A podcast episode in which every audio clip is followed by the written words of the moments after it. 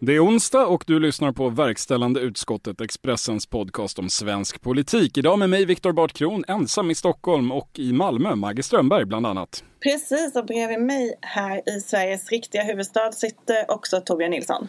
Det gör jag absolut. Och idag kommer verkställande utskottet bland annat att säga farväl till Jonas Sjöstedt och hej till Nooshi Dadgostar.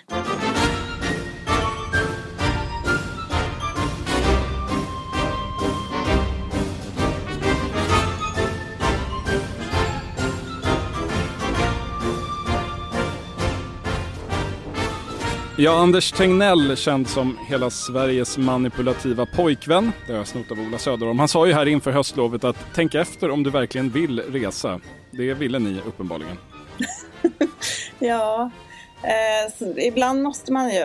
Eh, och i, idag åkte vi också buss fastän när man nu har restriktioner om att man inte får göra det. Men vi åkte till arbetet, vilket man eh, får lov att göra här i Skåne, eh, där vi befinner oss. Ja, även om ljudet blir lite svajigt kanske så känns det ändå väldigt uppiggande tycker jag att verkställande utskottet äntligen har fått sin egen Skånefalang. Det ska ju varje organisation med stunds och dynamik ha, eller hur? Ja men visst är det så. Och vi pratade faktiskt på vägen hit om eh, vad är det som gör att skåningarna är så radikala i nästan varje parti. Eh, jag, jag var faktiskt på väg för flera år sedan att skriva en bok om det radikala Skåne utifrån eh, parti för parti för att jag tycker att det är så spännande. Alla som har suttit på en eh, partikongress eller ett parti, en partistämma vet ju att det, det brukar ofta vara bråk i talarstol och korridorer med just den falangen. Ehm, det finns ju fortfarande många socialdemokrater som får något eh, svart i blicken när man ens nämner Skåne. En, en orsak till det är ju att liksom Skåne är ganska stort. Att det liksom är i alla partier så är Skånedistrikten, eh, i nästan alla partier så är Skånedistrikten liksom ganska manstarka. Delegationerna blir ganska många röster på de där kongresserna och stämmorna. Men, men du menar Maggie att det finns någon liksom ytterligare som är speciellt med Skåne? Eh, vadå? Eh, nej men det vet jag inte egentligen om jag gör. Men det, Socialdemokraterna är ju det klassiska exemplet där ju skåningarna alltid har varit mer vänster och eh, jobbiga att ha att göra med om man är Mikael Damberg. Eh, Moderaterna är ju lite samma sak. Eh, vad heter han? Vilken av Sonessonerna var det? Alltså han i Staffanstorp. Christian. Christian Sonesson. Eh, I kla klanen Sonesson. Han var ju uppe i talarstolen senast Moderaterna hade stämma och pratade om att ja, vi i Skåne vill alltid gå lite längre. Vi, det kan vara jobbigt för er men så här är det. Och det har ju många skåningar sagt i många eh, talarstolar. Jag vet inte om det finns några undantag till det här. Miljöpartiets skåningar, de är ju väldigt höger ofta jämfört med partiet. Eller har i alla fall varit jämfört med partiet. Sverigedemokraterna, jo men jag tror det var så här som var min tes länge att all politik börjar i Skåne. Allting, alltså eh, Region Skåne var väldigt tidiga med Alliansens samarbete med Miljöpartiet för att hålla SD ute. SD hade inte funnits om det inte var för Skåne och att man tog över alla de här små missnöjespartierna på skånska landsbygden och lyckades växa genom det din teori var att, att Skåne ligger före i allting? Mm, mm, jag vet inte riktigt hur bra den håller. Nu styrs ju Malmö av S och L. Mm. Ja. Nej men det är, ligger ju något i det där med radikalt fast det kan ju vara åt olika håll. Jag tänker på i Kristdemokraterna till exempel så är väl Skåne ett distrikt som har varit lite så konfessionellt vänster. Alltså kristet vänster. Eh, alltså inte så mycket Ebba Busch linjen. Eh, men det tydliga liksom undantaget från det du försöker jobba upp som regel och kanske det är en regel. Det är ju Sverigedemokraterna. Alltså om radikalt där är liksom mest höger, mest eh, nationalistisk så har ju liksom Stockholmsdistriktet alltid varit det som har varit radikalast och det är ju så att säga den, den modererade Sverigedemokraterna där man har liksom skalat bort ideologiska vassa ideologiska kanter för att kunna bli valbara. Den, den processen har ju letts av, av de här fyra männen från Skåne som, som i liksom ensamt majestät har styrt Jimmy detta framgångsrika parti. Okej, han är från Blekinge men same same. Danmark. Men- Gamla Danmark. Jo, men det beror ju, jag förstår vad du menar men samtidigt så det beror ju på hur man betraktar Sverigedemokraterna. Ehm, Sverigedemokraterna hade ju inte funnits utan eh, Skåne. Eller de hade liksom inte suttit i riksdagen utan Skåne. Och också Sverigedemokraternas eh, relation till Moderaterna hade ju inte varit vad den var utan Skåne-Moderaterna och deras eh, pionjärskap i denna fråga. Nej, det är riktigt. Vad tänker du Mm, men ni som eh, verkställande Victor? utskottets... Ja, nej men jag, jag är neutral inför Skåne eh, naturligtvis, som i allt annat. Men jag undrar, vad, vilken, har, har ni fått någon, några radikala impulser här lagom till den här sändningen nu när ni ändå vistas några dagar nere i Skåne? Ja, men jag såg eh, Luciano Astudillo äta lunch igår och sen så såg jag ehm, Morgan Johanssons lillebror Tony Johansson, hans bok i en, ett eh, skyltfönster till en bokhandel. Det är den eh, det är liksom politik jag fått i mig sen jag kom hit. Mm, det låter ändå som en hanterbar dos. Ja, och det är en ganska bra sammanfattning tänker jag. Eh, av liksom åtminstone Skånesossarna. Tony Johansson och Luciano Astudillo.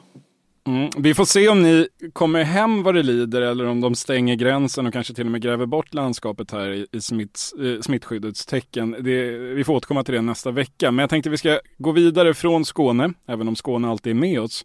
Eh, vi har ju kongress i Vänsterpartiet den här helgen som stundar. Den blir digital. Men den blir ändå av. Den är något nedskalad, men den är. Man ska byta partiledare. Eh, vi ska säga farväl till Jonas Sjöstedt. Det känns... Eh, ja, hur känns det egentligen, Torbjörn? Det känns väl ovanligt, jag vet inte. Jag är likgiltig. Men det är ju tydligt att politiken i stort upplever en, en viss sorg. Alltså allt från den här avtackningsstunden i riksdagen, den traditionella nu för tiden. Den var ju lite annorlunda ändå än när andra partiledare tackades av. Här var det ju liksom Våran snälla mysiga farbror Jonas, vad ledsamt att du ska gå vidare. Från nästan alla. Så, så det tänker jag är det som, som präglar det. Och i det kanske lite det kommer bort liksom. Har Jonas Sjöstedt varit bra eller dålig? Har han lyckats eller inte lyckats? Vad, vad kommer man skriva om honom i framtiden? Ja, vad kommer man skriva? Nej, men jag tänker att han har ju jättefina sådana här opinionssiffror och popularitetssiffror nu. Hans valresultat, de som, eller Vänsterpartiets, det är ett, det är ett kollektiv insats. Men Vänsterpartiets liksom, valresultat under honom har ju varit bra. Men inte extraordinära egentligen. Alltså, det, det, det har ju varit lätt att se att potentialen i, i, i det den situation som de här valen har utspelat sig kanske har varit större än vad man riktigt har fått utfall. Och, och sen har han förstås haft ett inflytande i sak. Ganska stort under förra mandatperioden och, och även i opposition under den här mandatperioden. Men det är ju det, det är liksom ändå inte sådär fantastisk summering. Eller? Men han har ju ägnat mycket tid åt att, att strukturera upp sitt parti. Eh, tycker jag. Eller det, det har väl varit en del av, av det politiska projektet under honom och Aron Etzler. Att man har eh, velat skala bort kan, vassa kanter, velat slipa bort kanter, ja, man kanske. Velat eh, ja, men bli ett, ett regeringsdugligt parti. Det har ju ändå Mm. varit en tydlig målsättning med allt vad det innebär av att också försöka eh, fokusera på färre frågor, ha en tydlighet, bli ett mindre spretigt parti. Sen kan man ju säga att eh, det han av det han har misslyckats med är väl ändå ganska tydligt att vinst i välfärden som var hans eh, stora sakpolitiska projekt. Det har ju faktiskt inte kommit längre. Där hade han ju opinionen med sig i mycket och det, just nu befinner ju sig den frågan i ett januariavtal där den i princip är ett tankeförbud där man inte får lov att göra politiska reformer på, på området. Eller K- kanske för hårt. Jag vet inte. Nej, det är, ju, det är ju en rätt konstig situation som hela den frågan befinner sig i. Att det kanske fortfarande någonstans i väljaropinionen finns ett tryck och i någon slags debatt finns ett ökande tryck. Men där politiska partier åtminstone tillräckligt många har bestämt sig för att den där frågan håller vi inte på med. Och alltså så blir det ingen partipolitisk diskussion om de sakerna riktigt. Och där är det ju lite udda att man från Vänsterpartiets sida till exempel hade man ju kunnat välja att mycket hårdare bara driva den på skolans område och kanske kommit sakpolitiskt längre. För där finns det största trycket och där har man nog lättare att få Socialdemokraterna med sig. Och det, men det ville man aldrig göra. Så man gick aldrig fram med den frågan på det sättet utan man gjorde den väldigt stor och därmed mycket svårare att få igenom. Ja, det är ju en bra obesvarad fråga. För Socialdemokrater brukar ju liksom skylla på att det var den här oviljan från vänsterpartister att sektoruppdela frågan som gjorde att den liksom dog och hela Reepalu-utredningen, Ilmar Reepalu härifrån Malmö, eh, liksom förföll ner till papperskorgen. Det kan ju också ha berott på att den där utredningen inte var bra. Eh, jag vill bara lyfta det som, som en möjlig tanke.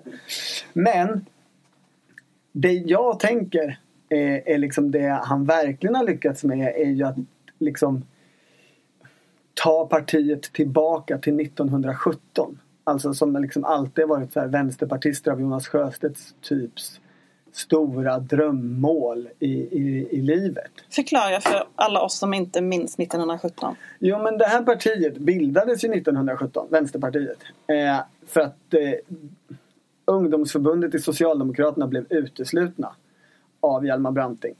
Eh, och då försvann hela ungdomsförbundet med Zette Höglund och en massa, massa arbetarrörelseprofiler och startade ett nytt parti.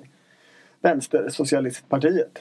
Eh, och då var de just ett, liksom, en förening för sossar till vänster. Och sen fyra år senare eh, så anslöt man sig till liksom, kommunistiska internationalen och ändrade namn till att vara ett kommunistiskt parti. Och jättemånga av de där prominenta eh, gamla socialdemokraterna gick liksom med svansen mellan benen vartefter tillbaka till sossarna och togs upp igen i den varma stora socialdemokratiska breda kyrkan. Eh, och så blev det här liksom ett kommunistparti. Och Jonas Sjöstedt är ju inte den första partiledaren som har liksom betraktat det där som det ödesdigra usla beslutet som vi har fått leva med i det här partiet sedan dess. Alltså redan liksom C.H. Hermansson tyckte ju så och ansåg liksom att det där var eh, dumt eh, och liksom har försökt få bort det där.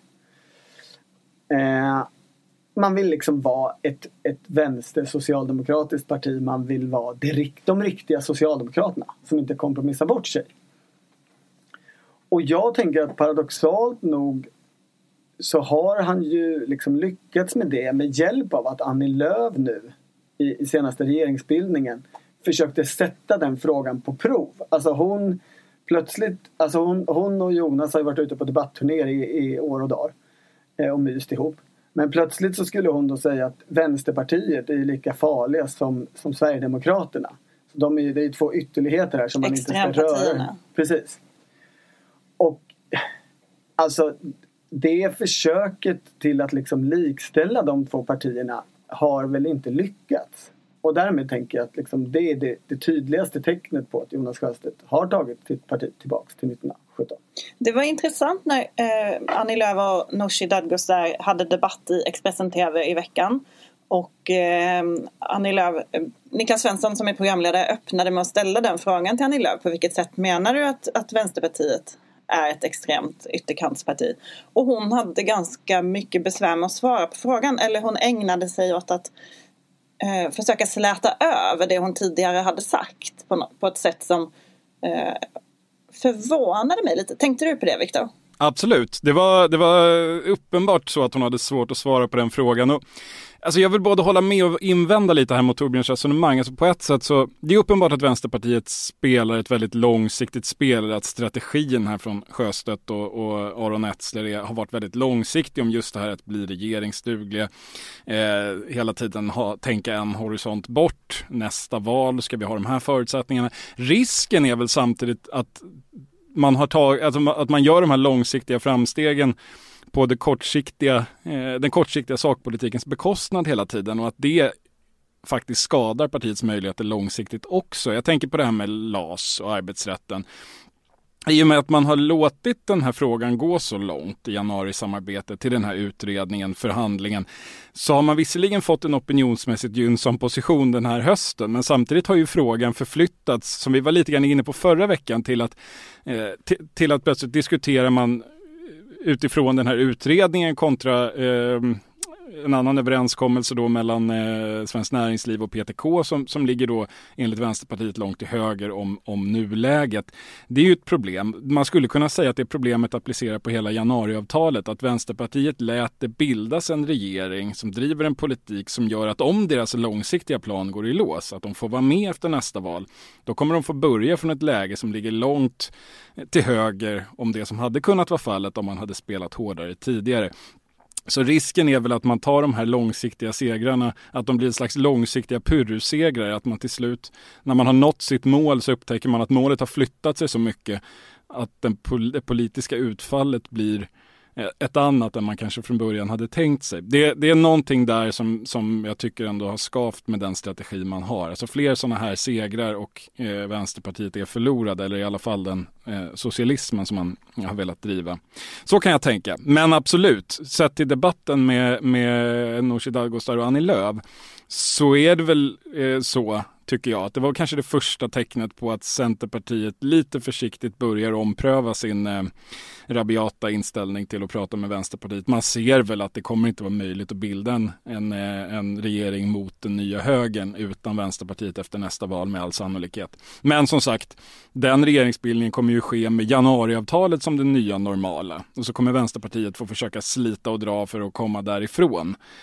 Hade man gått hårdare fram redan innan januariavtalet så hade man haft ett annat utgångsläge eh, som ligger närmare det man själv hade velat se, möjligen. Värnskatten hade kanske varit kvar.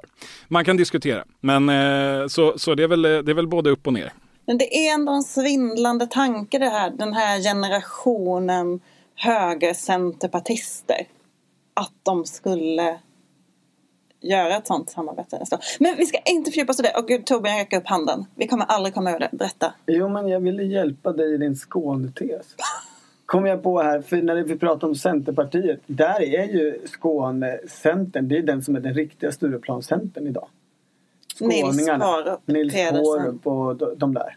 De är ju de mest ultraliberala. Och de där, finns det någon mer? Någon mer centerpartist. I Malmö finns det väl en Nils. Eh, den centerpartist i Malmö som känner sig träffad, att som existerar vid sidan av Nils Paarup kan höra av sig till podden. Men eh, om vi säger farväl till Jonas Sjöstedt med detta då, då ska vi också säga hej till den blivande partiledaren som kommer att väljas på lördag tror jag att det är. Eh, och Viktor, du träffade ju henne alldeles nyligen. Hur var det?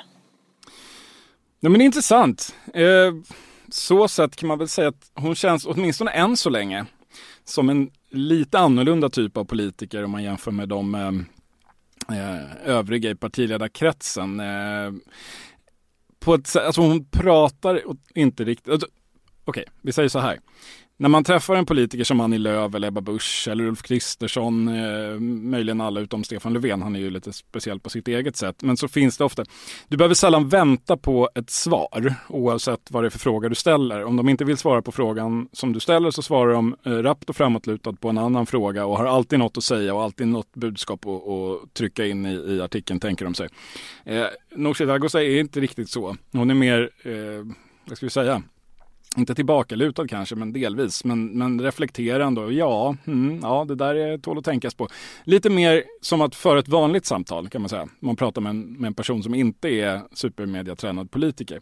Jag tror inte nödvändigtvis att det där är en brist. Eh, jag tycker det var intressant att se i debatten med Annie Lööf hur, hur det är två väldigt, väldigt olika kommunikativa skolor, om man kan säga så, där den ena framstår och den är väldigt vägvinnande Annie Lööfs stil att alltid liksom vara on message och vara på men den andra framstår kanske lite mera resonerande och, och, och rimlig. Men Mänsklig, eh, ska man titta rent kanske. politiskt så är, Ja, kanske. Eh, det låter lätt som något negativt eller nedsättande att då vanligt folk som inte använder så många svåra ord. Det är inte riktigt det jag menar utan mer ett sätt att prata som är mindre maskinellt. Men hur som helst, ska vi titta på sakpolitiken så tycker jag att det finns ett väldigt tydligt mönster i den intervjun som jag gjorde och i de andra hon har gjort ganska många intervjuer här i den här eh, lanseringsperioden som har blivit hysteriskt utdragen ska vi säga. Och det har ju med den uppskjutna kongressen att göra. Men det finns ju ett extremt tydligt tema. Eh, Nooshi Dadgostar vill prata om ekonomi, ekonomi och ekonomi. Det är oerhört tydligt att eh, svaret på nästan vilka frågor det än är finns i den ekonomiska politiken, i statliga investeringar, det är tillväxt, eh, det är ersättningsnivåer. Och det här är ganska intressant för vi har varit inne på det lite grann på lite omvägar tidigare också men jag tror om man ska dra ut trådarna riktigt långt och vara sådär härligt spanande som vi ibland eh, tillåter oss att bli i den här podden så, så finns i, i det här partiledarvalet någon slags eh, markör för det vi kan kalla för materialismens återkomst. Alltså om vi tittar på 2010-talet och kanske lite tidigare än så, alltså de politiker som verkligen slog igenom och blev hushållsnamn som vi säger med en liten anglicism. Eh, tänker på Annie Lööf, Gustaf Fridolin, Ebba Busch, kanske även en sån som Annika Strandhäll. Det är politiker som väldigt tydligt eh, helst pratar om värderingar som blommar ut och blommar upp i eh, värderingsstrider och stå upp för och emot olika saker. Tittar vi på de som börjar bubbla fram nu på 20-talet. Det här är inte nödvändigtvis en åldersfråga ska jag säga utan det är mer eh, politiska generationer. Om vi tittar på en sån som Nooshi Dadgostar eller eh, det, det yngre gardet i Moderaterna med Benjamin Dosa som främsta exempel så är det väldigt materialistiskt. Det, det är liksom show me the money. Eh, man vill prata om bidragssystem från höger, man vill prata om eh, arbetsmarknaden från vänster. Det är väldigt mycket ner till, till politikens fundamenta. Och jag tycker det, det jag varit inne på det särskilt i diskussioner om socialdemokratin tidigare. Där finns det kanske inte riktigt en sån tydlig företrädare som går att knyta allt det här till. Men det finns ju en väldigt tydlig tendens som du Torbjörn har pratat mycket om. Hur unga socialdemokrater plötsligt eh, sitter och studerar ekonomi istället för eh, ja, den mer eh, Mona Sahlin-frågor om man kan säga så. Vi har väl en sån som Emil Källström i Centerpartiet som väl kommer att ta ännu större plats det här decenniet som, som också är en väldigt tydligt ekonomisk, ekonomisk politisk politiker. Det, det är en möjligen vag spaning men jag vill ändå lägga upp den här. Eh, är detta ett trendbrott? Håller ni med mig? Men är detta ett uttryck för längtan att komma bort ifrån eh, kulturkrig och galtan och eh, det höga tonläget i svensk politik? Torbjörn, du ser jättebekymrad det... ut. Nej, jag är inte bekymrad. Eh, jag tror ju att det finns jätte, liksom att det finns en sån rörelse eh, både till höger och vänster dels har den varit lite funnits med i så här valstrategitankar. Att man vill få till en tydlig höger-vänster konflikt och sådär. Alltså att de, båda de stora traditionella partierna vill det. Men jag tror att det här är mycket större än så och kommer mycket mer underifrån.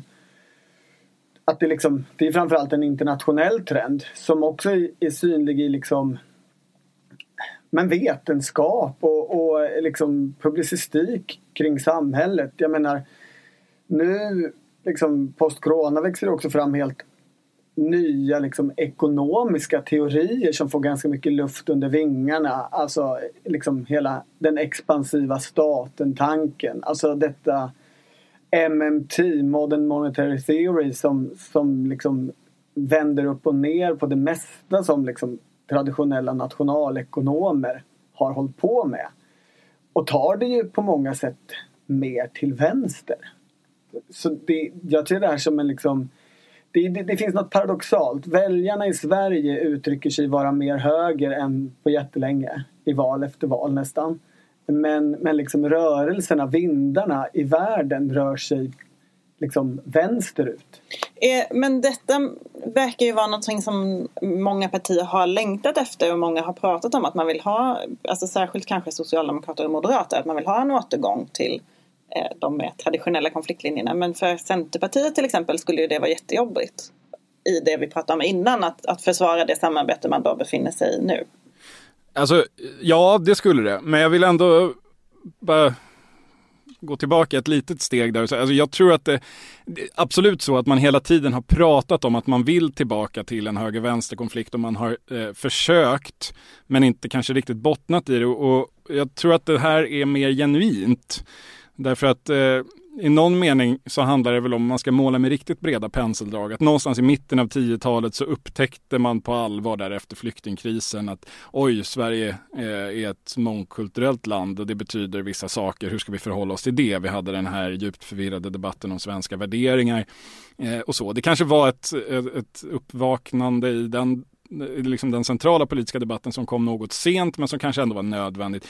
Mitt intryck är lite grann att den här jag menar med den nya generationen, de är inte så intresserade av det på riktigt därför att de är ganska klara med det. De, de har växt upp i det Sverige som finns på 2000-talet och, och, relaterar inte riktigt till något annat. De är intresserade av politiska lösningar på det de ser som problem i det Sverige de känner och så utgår de från det de är inte så intresserade av att älta existensen av det Sverige som är det enda Sverige som de har sett.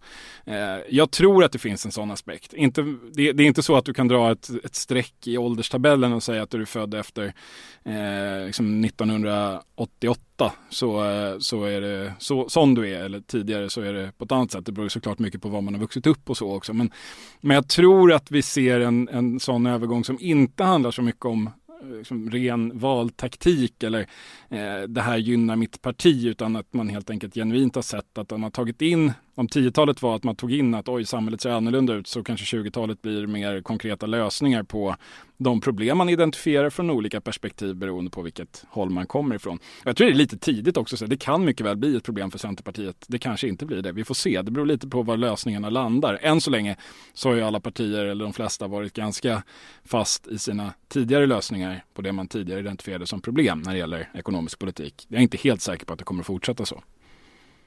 Nej, men det, jag håller med om det där. Det, det ser man ju också i så hur MUF har varit som ungdomsförbund under Benjamin Dosa. Ligger liksom i linje med det du säger Viktor. Eh, och att det liksom är de här rörelserna i socialdemokratin är ju bland de unga. Men en spännande sak där är att det tredje stora partiet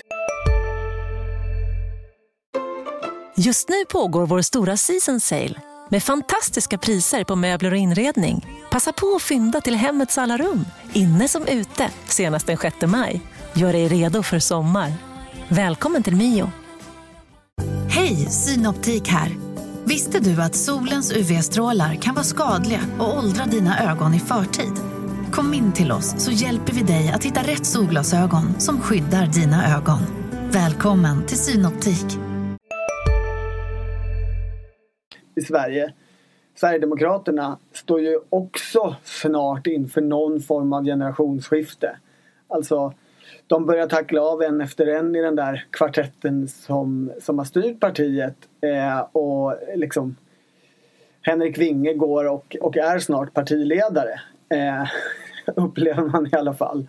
Och då är frågan, har, har den generationen i, i Sverigedemokraterna som ändå är liksom födda ja, de är 10-15 år yngre än den där kvartetten. Åtminstone. Har de liksom ett annat perspektiv på kulturkriget också? Eh, vi pratar ju om Vänsterpartiet nu, vilket eh, ett parti vi inte har nämnt på, på några minuter. Men, men eh, jag tänkte på en sak när jag läste igenom det här strategidokumentet som också ska tas på eh, kongressen i helgen. För där finns det ett avsnitt som handlar om just ungdomsförbundet Ung Vänster och vikten av att Ung Vänster är, star är eh, starkt på eh, olika del, i olika delar av landet. Och då tänkte jag vem är egentligen Ung Vänsters ordförande och det var länge sedan man hörde något om Ung Vänster. Eh, detta ungdomsförbund som ändå på 90-talet hade en sån storhetstid och i mycket dominerade samtalet som idag tycker jag är helt försvunnet. Ja, så är det ju. Eller så är vi blinda och döva. Men det är vi ju inte, tror jag inte. Ja, men Nej, jag vet inte. Jag upplever dem som extremt frånvarande. Och, och eh, det är väl också lite av den där diskussionen. Det finns ju i, i strategin, så det fanns väl några motioner som ville kritisera den strategin på den punkten av att så här, strategin var då att partiet skulle gå in och, och liksom ja, i princip eh, ta över liksom Ung Vänsters verksamhet där Ung Vänster inte fanns medan, medan eh, stötta upp, stötta upp som det hette. Men, ja ta över, stötta upp, you name it. Du får välja vilket du tror på eh, som lyssnar. Men, men där eh, invändningen från några motionärer var liksom att ja men då Nej men så kan vi inte göra utan själva poängen är att Ung Vänster ska vara starkt och fristående. Och, och att det, det blir ju konstgjort och här ska ju ändå föreligga liksom ett, om inte en konflikt mellan ungdomsförbund och parti så ett, ett visst utrymme av syre. Eh, för, för nya tankar, för liksom friare verksamhet och, och egen verksamhet och sådär. Eh, så det, svaret är väl kanske att det bara går väldigt dåligt för, för Ung Vänster. Men kanske inte så dåligt för Vänsterpartiet bland unga. Alltså i, i sådana här nedbrytningar i opinionsmätningar och sånt där så går ju Vänsterpartiet bra bland unga. En viss grupp unga alltså. Det här strategidokumentet eh är ju intressant läsning på många plan. Victor, du eh, hade ju en annan spaning som du hade sett i det, eller hur? Mm. Ja, nej, men det, det, finns ju många att göra. Det här är ju ett väldigt säga, internt dokument. Det riktar sig väldigt mycket mot Vänsterpartiet som organisation och där finns det ju några saker som man kan haja till på som till och med kan vara lite roliga. Det är en punkt om att man ska bli bättre på möten. Det ska vara mer tydligt varför man har möten i Vänsterpartiet och någon måste faktiskt ta ansvar så att folk hinner hem i tid. Och här får man ju lite roliga bilder kring hur det brukar gå till då på vänsterpartistiska möten.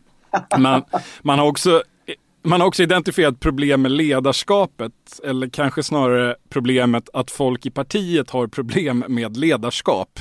Man skriver så här, citat, vi behöver komma bort från en intern dynamik där också demokratiskt välfungerande ledningar bemöts fientligt som om de vore odemokratiska genom sin blotta existens. Slutcitat här kan man också föreställa sig, det, det här är ju lite paradoxalt ett väldigt anti-auktoritärt parti, eh, i alla fall på insidan. Och det, det, det är uppenbart att här, här, sitter, här har en partisekreterare suttit och slitit sitt hår eh, om man behöver skriva så här i ett dokument. Men krusidullerna och de interna sakerna åsido, jag tycker det finns ändå en lite anmärkningsvärd sak redan i inledningen av det här strategidokumentet som knyter an lite till hur vi inledde den här diskussionen. De skriver så här att Vänsterpartiet har kunnat bygga en hel del förtroende genom att leverera handfasta politiska reformer reformer både på nationell och lokal nivå. Självklart ska vi fortsätta sträva efter verklig politisk makt. Den möjligheten kommer dock vara svagare framöver eftersom det finns färre sådana öppningar i det politiska läget. Och därför finns det all anledning för Vänsterpartiet att bli bättre på bla bla bla. Det här, det här, här tycker jag att man hamrar fast en ganska defaitistisk eh, defensiv position som är lite svårt att förstå. Eh, det, man, man, konstaterar att möjligheten för Vänsterpartiet att ha inflytande framöver kommer att vara svagare. Varför då? Det, är ju inte, det finns ju ingen naturlag som säger det. Det, det beror ju till, till hög grad på hur många man kan vinna för sin sak och hur, hur hårt man går fram i förhandlingar. Ja, det, det är nästan, jag får nästan intrycket av att man vill att det ska vara så här för att det är bekvämt. Eh, jag vet inte. Jag tycker det känns eh, konstigt för ett parti med, som aspirerar på en 10 procent nu i opinionsmätningarna och tala om att nej, vi kommer ha svagare möjligheter att få inflytande framöver. Varför gör man så? Jag fastnade för en helt annan sak i det här strategidokumentet som handlar om eh, Det är ju väldigt mycket partisekreterare Aron Etzles röst som ljuder i det här dokumentet. Mycket av det här eh, låter som sånt han sa redan när han tillträdde vilket väl är vad är det, 8-9 år sedan. Mm. Um, ja, det är långt. Och, och det är liksom, lite samma problembeskrivning fortfarande. Men han skriver ju, eller han, förlåt, partiet skriver. Eh, det behöver vara enkelt att vara vänster. Eh, bla bla bla, vi ska bredda bla bla. Du ska eh, känna dig hemma precis som du är i vänstern oavsett vad du äter, vilken musik du lyssnar på och vad du gör på fritiden. Alltså det är något när man behöver slå fast det där i ett strategidokument. Att så här, du ska få äta vad du vill, du ska få lyssna på vilken musik du vill. Vänstern är så oerhört sträng på många sätt. Den är så, den är så hård mot enskilda människor och deras livsstilsval. Och det här har de ju eh, då identifierat under lång tid att man måste komma ifrån. Och Nooshi Dadgostar är ju också en person som verkligen vill det och man hör ju det i hennes sätt att prata och vem hon vänder sig till och hur hon uttrycker sig och sådär. Ehm, men man, jag vet inte, jag bara såg alla mina olika vänstervänner framför mig och deras mycket stränga och oförsonliga attityd till allt. Men jag, jag har en mer dansk livsstil eftersom jag kommer från Skåne. Så jag brukar, inte, jag brukar bryta mot många regler. Eh, men Torbjörn, varför är vänstermänniskor så stränga? Bra fråga. Har du ett svar? Nej, det har jag inte. Dels så har det väl, det, det finns en massa förklaringar. Liksom, eh, det privata är politiskt, tanken. Eh, det finns den där tanken som Ung Vänster-generationen som idag är partiet. Alltså Aron Etzler-generationen hade av att man skulle liksom utskilja sig från de andra ungdomsförbunden. Man skulle inte hålla på fraternisera och gå och liksom ta en öl med dem efter debatten utan man skulle liksom vara för sig och vara ett riktigt alternativ och sånt där. Men det jag tänker på att det intressanta är ju att väldigt mycket i det där dokumentet som ni båda är inne på är ju liksom det gods som redan har gällt under Jonas Sjöstedts partiledarskap och då ska fortsätta att gälla och att spåret här som du är inne på Maggie med liksom hur man ska Ja, att man måste säga att här, alla människor är faktiskt välkomna i Vänsterpartiet. Man får eh, leva sitt liv lite hur man vill. Det är ju det som är kvar i svensk politik från Per Schlingmann. Och att det är, det, det, det är en riktigt märklig sak i att det är Vänsterpartiet, Per Schlingmans liksom pärlhalsbandsregelhäfte eh, eh, lever kvar. Fast det är någon slags tvärtom grej. Att så här, man, ska, man ska få ha pärlhalsband eh, i vårt vänsterparti. Fast man han, ska få vara lite som man vill. Handlar eh. inte detta mycket mer om den fråga som är den som, som Nooshi hela tiden får svara på nu som är hur ska ni som parti kunna nå de här LO-väljarna som har gått till SD? Handlar inte detta mycket mer om att eh, man inte ska behöva liksom, ha rätt akademisk term? Man ska få kunna eh, uttrycka sig på ett visst sätt. Man ska kunna tycka att flintastek är trevligt att ha på grillen. Alltså, Danskt. det handlar inte mycket mer om det, att, att inte vara ett, ett smalt jo. elitistiskt parti för akademiker. Jo men visst, absolut är det så, men det är ju det, alltså du, men det ska ju inte bli ett högerparti. Nej, nej men, men Aron Etzler har ju varit liksom imponerad och studerat Nya Moderaterna. Han har skrivit en, en väldigt intressant bok om Nya Moderaterna. Och det här är ju ett drag som liksom kommer igen. Att så här, vi ska göra Vänsterpartiet folkligt på det sätt som Nya Moderaterna gjorde Moderaterna folkligt. Från två liksom, olika positioner men med ungefär samma metod, liksom, eller en liknande metod. Och det, ja, men det är något intressant i den här diskussionen om Nooshi och, och, projektet framåt nu. Att, att där blir ju också så här, då, då, ställer, då ställer diskussionen nu blir att, att Eh, ni ska lyckas locka LO-väljare. Och så tänker man sig att det här är liksom vit arbetarklass som idag röstar till stor del på, på Sverigedemokraterna. Eh, men deras strategi för att liksom bli mer folkliga och fackliga går ju inte i första hand på liksom den svåraste målgruppen. Liksom by, eh, byggarbetare, manliga byggarbetare som röstar på SD utan uppfattar jag på liksom andra LO-grupper och, och eh, liksom kanske mer lågt hängande frukter i liksom, den socialdemokratiska delen av arbetarklassen. Kanske. Det var också en sak i debatten att, eh, i, i Expressen-debatten att eh, Nooshi väldigt tydligt vände sig till de byggarbetare som förväntas bli arbetslösa nu och varför Annie Lööf och januari-samarbetet inte hade en politik för dem. Det noterade jag och tyckte att det var liksom intressant att hon valde just denna grupp. Ehm, men Vänsterpartiet har ju, eller Jonas Sjöstedt har ju ökade förtroendesiffror. Vänsterpartiet ligger ju bra i opinionen som alla vet och en hel del av de där ökade förtroendesiffrorna finns ju bland eh, SD-väljare, högerväljare som tycker att han har gjort någonting bra i relation till S. Hjälper det Vänsterpartiet att vinna tillbaka de här väljarna? Viktor? Alltså, jag tror att i grunden är så. Alltså, hör man vad sverigedemokratiska väljare ger för argument för att rösta på det parti de röstar på så handlar det i första, andra, tredje, fjärde och femte hand om invandringspolitiken. Och där är ju Vänsterpartiet inte beredda eller intresserade av att göra någon slags omprövning eh, för att gå den opinionen till mötes. Jag tror att det blir väldigt, väldigt svårt att då övertyga några större mängder. Vänsterpartiet, och det säger ju Nooshi Dadgostar väldigt uttryckligen i, i, i eh, min intervju och i alla andra sammanhang och får chansen att det är inte heller tanken, utan tanken är att eh, erbjuda sin lösning på det människor uppfattar som samhällsproblem. Eh, och pekar på att eh, utjämna klyftor och eh, fler trygga jobb och, och, det här som man brukar. Det här är ju inget nytt. Det här är ju någonting som vänsterpartister och andra krafter till vänster har sagt i många år. Dock utan någon kanske jättestor stor framgång. Sen, sen ska vi inte heller... Eh, det finns ju ett, ett krux i det här är ju att ibland beskrivs det som att Sverigedemokraterna är ett parti som bara ökar och ökar. Det är ju inte sant. I, stort sett har man ju legat mer eller mindre still i, sedan mitten av förra decenniet. Och eh, på en dock en nivå som är tillräckligt hög för att, eller opinionen är så pass stabil att det i sig är ju ett jätteproblem för Vänsterpartiet och det är därför de här frågorna kommer. Ibland försöker vänsterpartisterna skicka undan dem och säga vi får bara fråga om SD, det är ju helt sjukt. Jo, men det beror ju på att den möjligheten till vänstermajoritet i riksdagen har ju till stor del om inte gjorts därför att uppåt mellan 15-20 procent eh, av väljarkåren har eh, tagit sin hatt och gått till Sverigedemokraterna varav rent demografiskt en stor del eh, går att se som väljare som tidigare skulle utgöra en del av en vänstermajoritet. Därför finns det ju, ett, det skulle finnas ett uppenbart egenintresse för Vänsterpartiet att faktiskt vinna väljare som har gått just till SD. Inte för att de skulle vara mer värda än några andra röster, men för att de blir det eh, i den rent parlamentariska matematiken. Där tror jag, lite som Torbjörn var inne på, att det trots allt inte är eh, SD-lutande byggare som är de, den främsta målgruppen i LO-kollektivet utan det är ju snarare de som röstar på Socialdemokraterna. Och då är man ju tillbaka i det här, eh, den här växelverkan mellan V och S. Ja, det är möjligt och då kan man ifrågasätta strategin i det större. Om man vinner 5 procentenheter från Socialdemokraterna i nästa val, vad är vunnet? Inte särskilt mycket för möjligheten att driva vänsterpolitik kanske.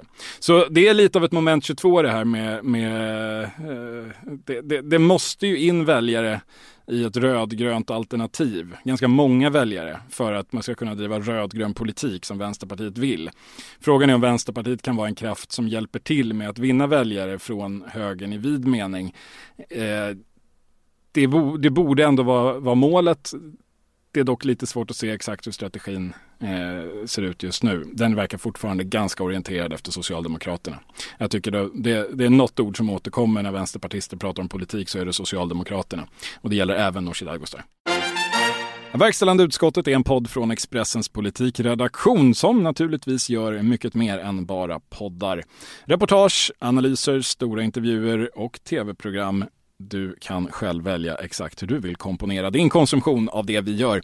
Eh, ska du kunna ta del av alltihopa, och det vill du naturligtvis, så bör du vara prenumerant via Expressen Politik Premium. Och det kan du bli till ett väldigt bra pris. 29 kronor i månaden bara första halvåret, därefter 69 kronor i månaden och det är ju inte särskilt dyrt det heller.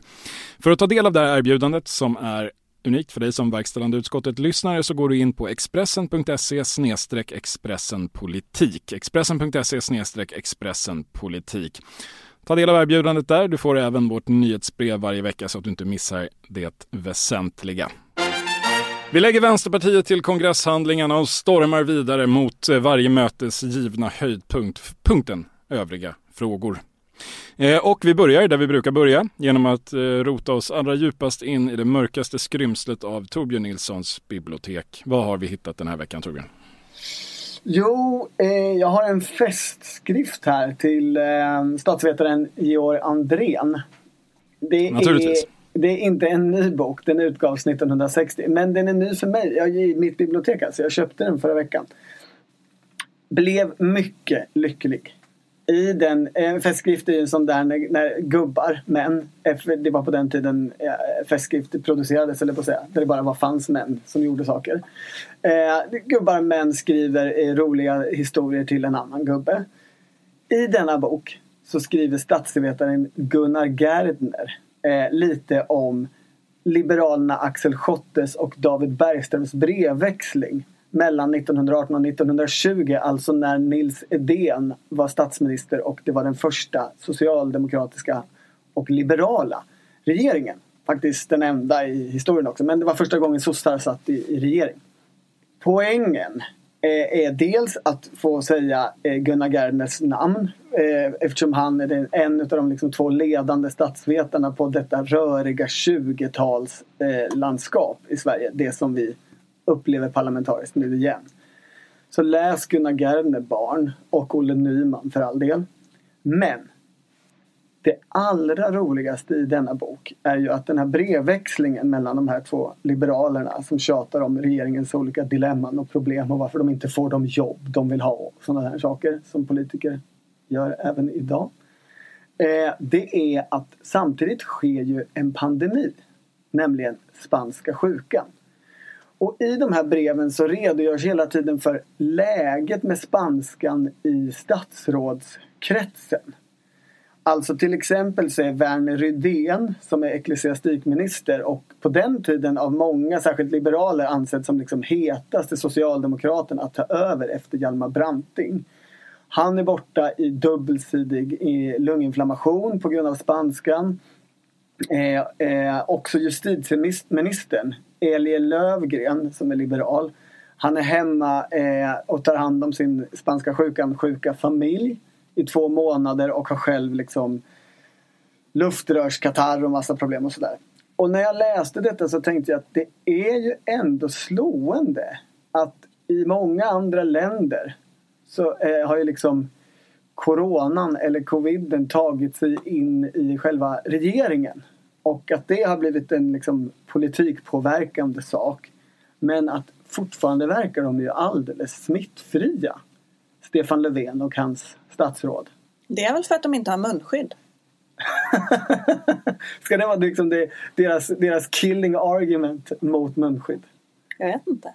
Men visst är det så, även eh, alltså Folkhälsomyndigheten Höjdarna har ju också varit, det var ju eh, Anders, eh, den andra Anders var ju i karantän i någon dag för att han kände sig lite snuvig men annars har väl alla varit friska? Ja, ja eller har de mörkat det?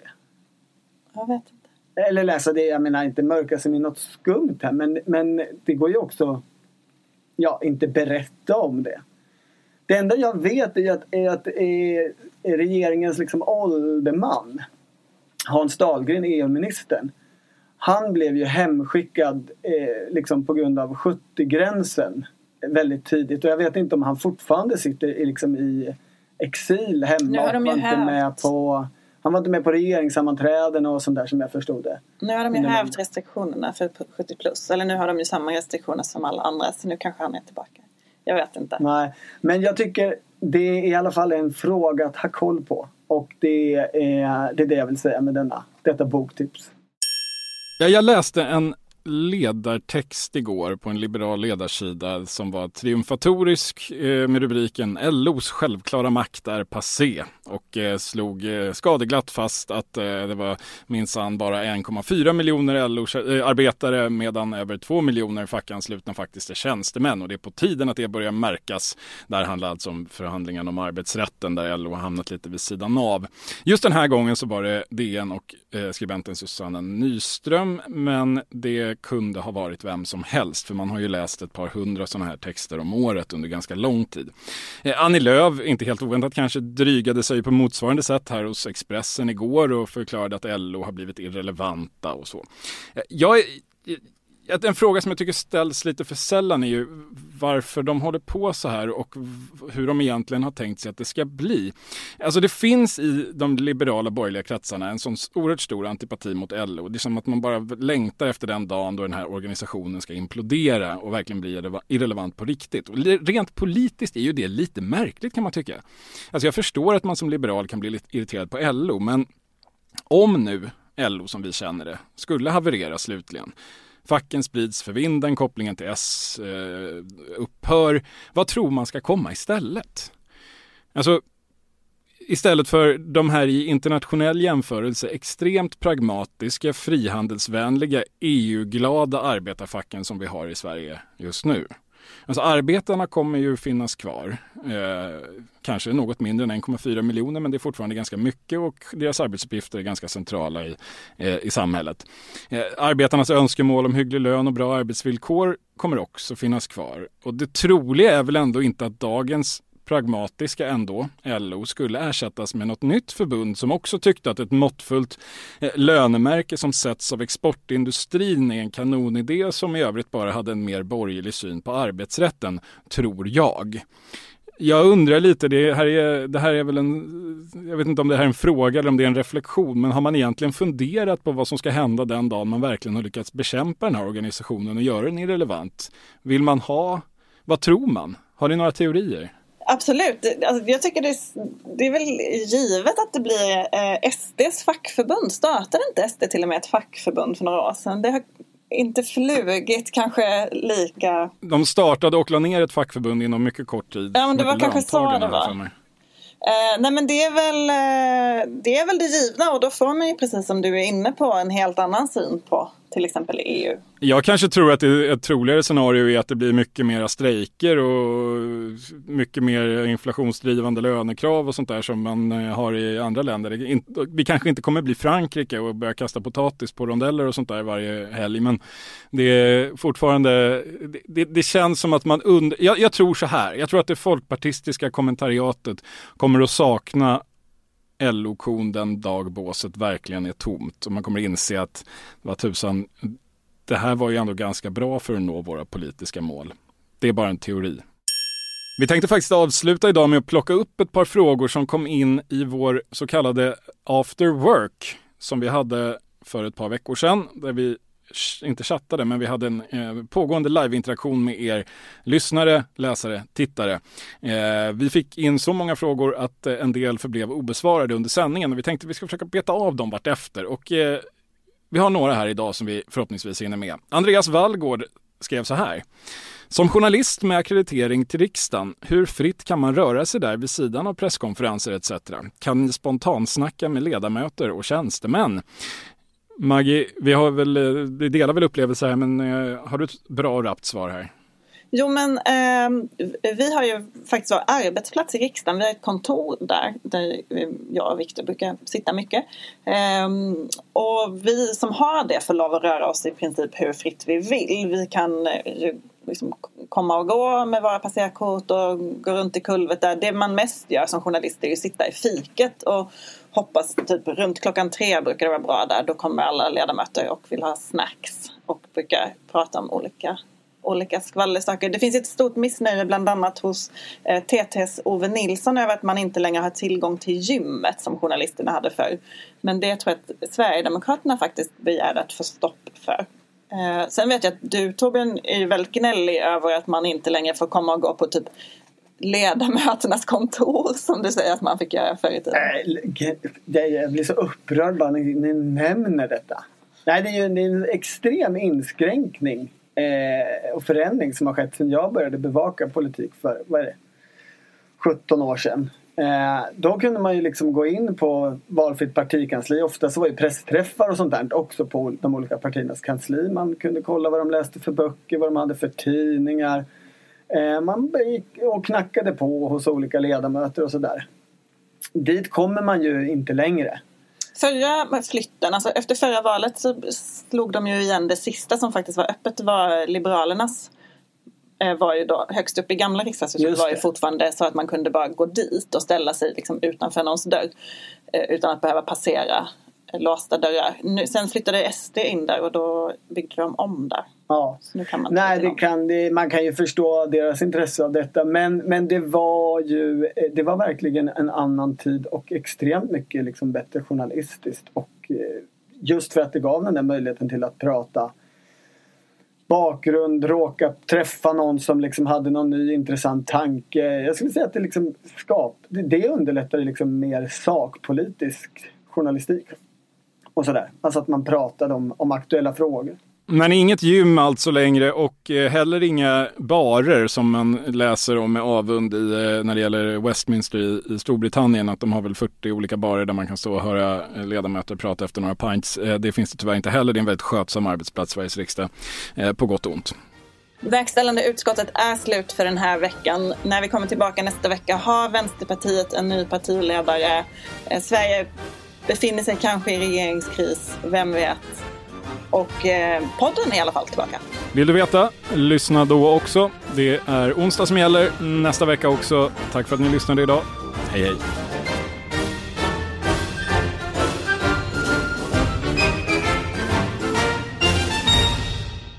Du har lyssnat på en podcast från Expressen. Ansvarig utgivare Klas Granström. Expressen samarbetar med Podplay, en ny podcastplattform från Bauer Media, där du hittar Expressens poddar och förstås även en massa andra poddar. Du kan lyssna antingen via podplay.se eller i appen Podplay.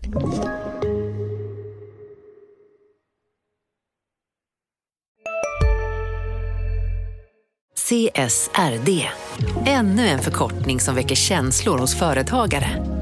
Men lugn, våra rådgivare här på PWC har koll på det som din verksamhet berörs av. Från hållbarhetslösningar och nya regelverk till affärsutveckling och ansvarsfulla AI-strategier. Välkommen till PWC.